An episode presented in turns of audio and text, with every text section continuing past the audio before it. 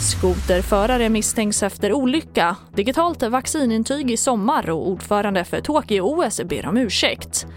Ja, här är TV4-nyheterna som börjar med att en man misstänks nu för brott efter skoterolyckan i Söråker i Västernorrland i januari där två tonårsflickor omkom. Det uppger Sundsvalls tidning. Den brottsmisstänkte mannen körde skoten som även hade en påkopplad släde när den krockade med tåg vid en övergång. Han misstänks för vårdslöshet i trafik och vållande till annans död.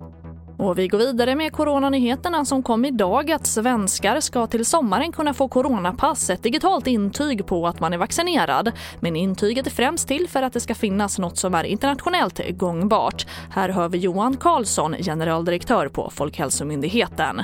De här intygen är inte tänkt att man ska springa och vifta med här, här, hemma nu och säga att jag har ett intyg så jag kan arbeta som vanligt, jag kan umgås som vanligt. Det finns inga som helst eh, hållpunkter för att göra det. Och från nio av landets 21 regioner har det kommit rapporter om att man inte följt turordningen för att covid-vaccinera när doser har blivit över. Men på Folkhälsomyndigheten hoppas man att de här fallen inte ska bli fler.